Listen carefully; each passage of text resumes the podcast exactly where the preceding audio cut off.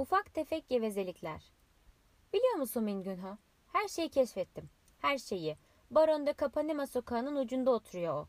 Sokağın en sonunda. Otomobili evinin yanına çekiyor. İki kuş kafesi var. Birinde kanarya besliyor, öbüründe muhabbet kuşu. Bir gün erkenden hiçbir şeyin farkında değilmişim gibi boyacı sandığımla gittim oraya. Gitmeyi o kadar çok istiyordum ki Mingünho. Bu kez sandığımın ağırlığını hissetmedim bile. Eve dışarıdan iyice baktım. Tek başına yaşayan biri için çok büyük buldum. Arkada musluğun başındaydı. Tıraş oluyordu. Ellerimi birbirine vurdum. Boyacı, boyacı. Yüzü sabun köpüğüyle kaplı yaklaştı. Daha yüzünün bir yanına tıraş etmişti. Gülümseyerek, ha sen misin sivrisinek?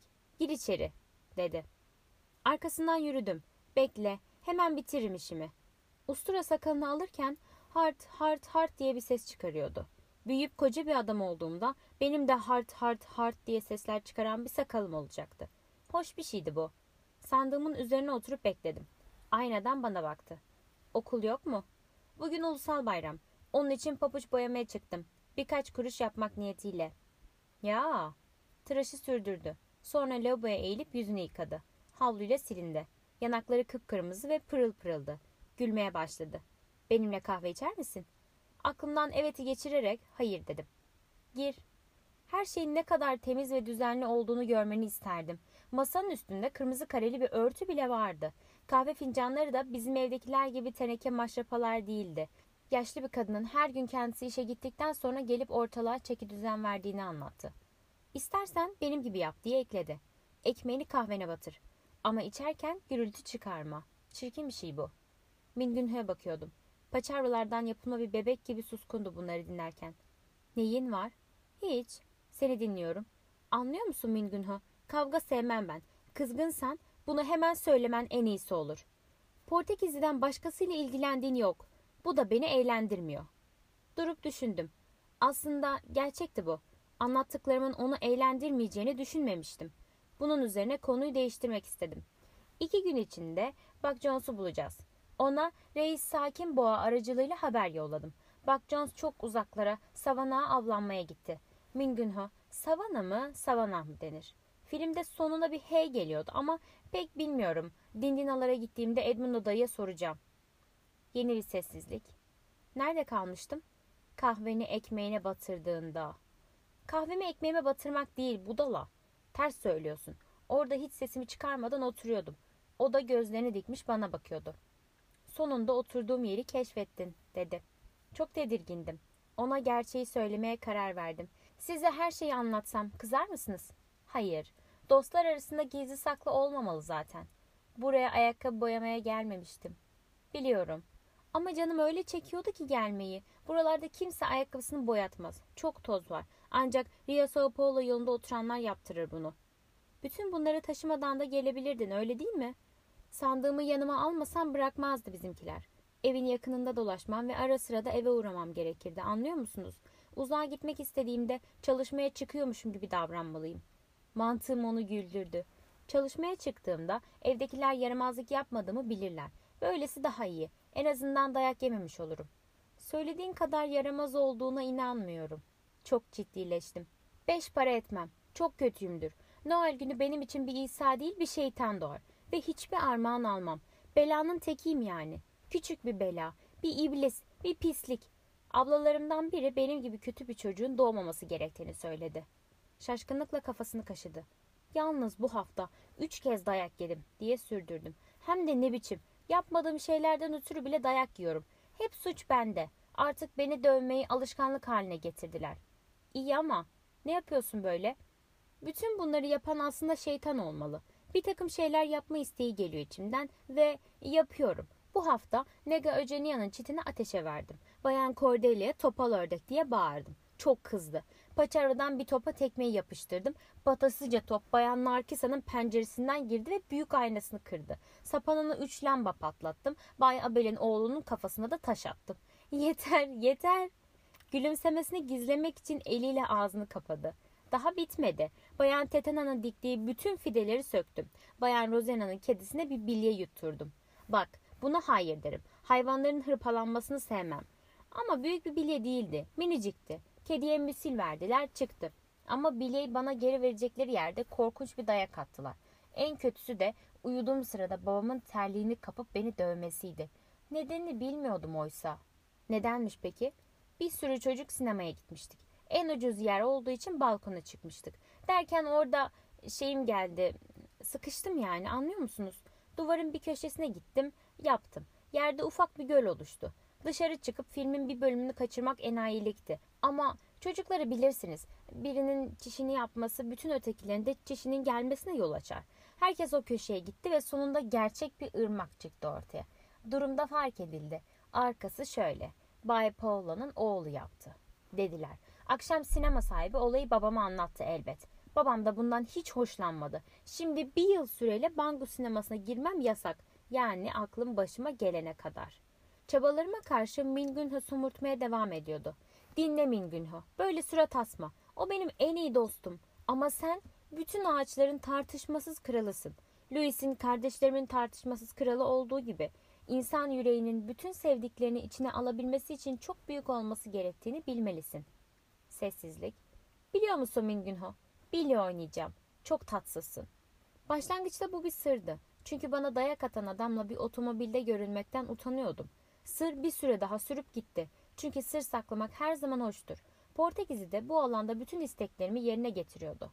Dostluğumuzu kimsenin öğrenmemesi için yemin etmiştik. Birincisi, bütün çocukları otomobiline almak istemediğinden. Bu nedenle tanıdığım kişiler Totoko bile geçtiğinde eğleniyordum. İkincisi birbirimize anlatacağımız sürüyle şey arasında kimsenin bizi tedirgin etmemesi gerekiyordu. Annemi hiç görmediniz mi? Kızılderilidir dedim. Gerçek Kızılderililerin kızıdır. Evde hepimiz yarım kan Kızılderiliyiz.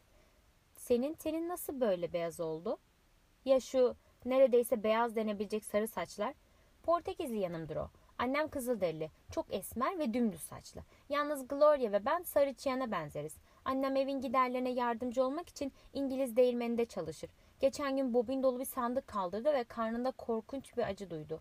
Doktora gitmesi gerekti. Fıtık olduğu için doktor ona bir kuşak verdi. Annem bana karşı çok iyidir biliyor musunuz? Beni dövmek istediğinde bahçeden küçük dallar koparır ve yalnızca bacaklarıma vurur. Çok yorucu bir hayatı vardır. Akşamları eve döndüğünde konuşacak gücü bile olmaz. Araba gidiyor ve ben gevezelik ediyordum. Büyük ablam garip bir kızdır. Hep sevgilileri olur. Annem onu bizimle gezmeye yolladığında sevgililerinden birinin hep köşede beklediğini bildiğinden yolun üst yanından gitmemizi tembihlerdi bize. O da başka bir sevgilisini beklediği öbür yoldan giderdi. Bütün zamanını onlara mektup yazmakla geçirdiğinden kalem dayandıramazdık ona. Geliyoruz. Çarşının yakınında bulunuyorduk ve anlaştığımız yerde durduruyordu arabayı. Yarın görüşmek üzere sivrisinek. Her zaman oturduğu yere kadar uzanmanın, bir bardak limonata içip onu artist resimleri aldırmanın yolunu bulacağımı biliyordum. Yapacak fazla şeyinin olmadığı saatleri biliyordum. Ve bu oyun bir ay aşkın bir süreden beri sürüyordu. Ama Noel öykülerini anlattığımda yüzünde o hüzünlü büyük insan görünümünün belireceğini hiç düşünmemiştim. Gözleri yaşlarla doluydu ve bir daha Noel günü hiç armağansız kalmayacağıma söz vererek elini saçlarında gezdirdi. Günler sakin, özellikle de mutlu geçiyordu. Evdekiler bendeki değişimi fark etmeye başlamışlardı. Eskisi kadar azgınlık yapmıyor, zamanımı bahçenin en ucundaki eski yerimde geçiriyordum. Doğrusu şeytan ara sıra iyi niyetli kararlarımın hakkından geliyordu ama eskisi kadar sövmüyor, komşuları rahat bırakıyordu. Fırsat buldukça bir gezinti yaratırdı. Bu gezintilerden birinde arabayı durdurdu ve bana gülümsedi. Arabamızda gezmeyi gerçekten seviyor musun? Bu aynı zamanda benim de bir arabam. Benim olan her şey senin. İki büyük dost arasında olduğu gibi. Sevinçten çıldırıyordum. Ah, yeryüzünün en güzel arabasının yarısına sahip olduğumu herkese anlatabilseydim. Sence de artık aralarından su sızmayan iki dost muyuz? Evet. Öyleyse senden bir şey isteyebilir miyim?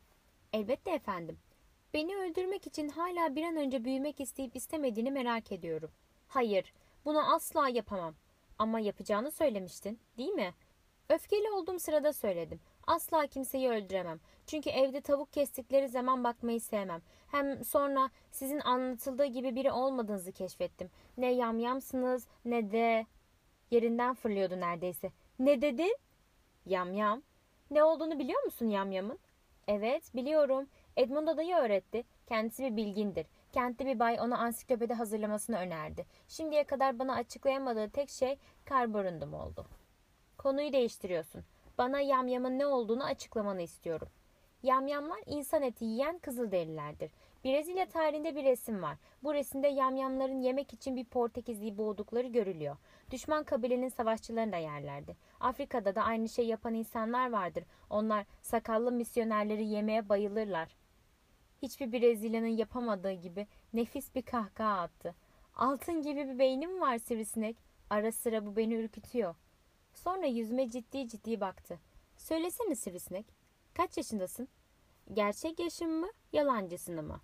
Gerçeğini elbette. Yalancı bir dostum olmasını istemem. Öyleyse söylüyorum. Gerçek yaşım 5, yalancısı 6. Çünkü 6 yaşında olduğumu söylemesem okula gidemezdim.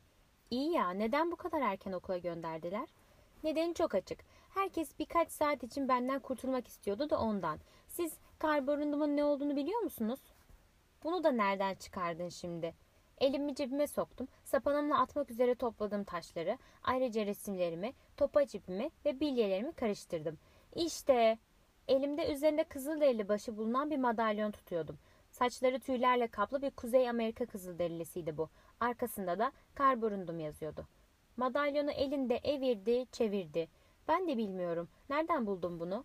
Babamın saatine bağlıydı. Deriden bir şeritle pantolonun cebine asılı dururdu. Babam saatin bana miras kalacağını söylemişti. Ama para yüzünden sıkıştı ve saati sattı. O güzel saati. Geri kalanı da miras olarak bana verdi. Küf koktuğu için şeridini kestim. Yeniden saçlarımı okşamaya koyuldu. Çok çapraşık bir küçük çocuksun ama bir Portekizlinin ihtiyar yüreğini sevinçle doldurduğunu itiraf ediyorum. Neyse bırakalım bunu. Gidiyor muyuz? Söyleyişimiz çok hoştu. Bir şey daha anlatayım. Size çok önemli bir konudan söz etmem gerekiyor. Anlat bakalım. Dostuz biz. Çok çok dostuz değil mi? Elbette. Arabanın bile yarısı benim değil mi? Bir gün hepsi senin olacak. Şey, söylemek zordu. Hadi, dilin mi dolanıyor? Genellikle hiç kızmayacaksınız ama değil mi? Söz veriyorum. Dostluğumuzda hoşuma gitmeyen iki şey var. Ne kadar zorlanırsam zorlanayım sözler hiç de düşündüğüm kadar rahat çıkmıyordu. Nedir? diye üsteledi. Biz iki büyük dostsak size iki de bir bayım, efendim demem ters oluyor.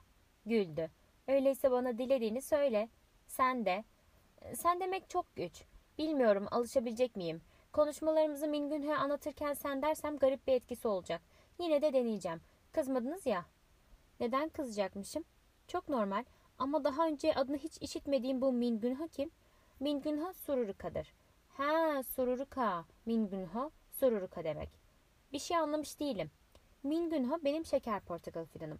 Çok sevdiğim günler ona Sururuka derim. Demek Mingünha adında bir şeker portakal fidanın var. Harikadır. Benimle konuşur. At olur. Onunla birlikte Buck Jones, Tom Mix, Fred Thompson'la gezeriz. Sen ilk senin çıkması güç oluyordu ama sürdürmeye kararlıydım. Ken Maynard'ı sever misin? Cowboy filmleri konusunda bir şey bilmediğini belirten bir hareket yaptı. Geçen gün Fred Thompson onu bana tanıştırdı. Başındaki büyük deri şapkayı çok sevdim. Ne var ki gülmesini bilmiyor gibi geldi bana. Gidelim. Küçük beyninde oynaşan bu insanlar beni deli edecek. Öbürü neydi? Öbürü daha da güç. Ama sen deme konusunu açtığıma ve sen de buna kızmadığına göre ötekinde söyleyebilirim. Adını pek sevmiyorum. Hoşuma gitmediğinden değil de dostlar arasında pek... Tanrım neler işiteceğim daha. Sana Valadares demek hoşuma gitmiyor. Adını sevmiyorum.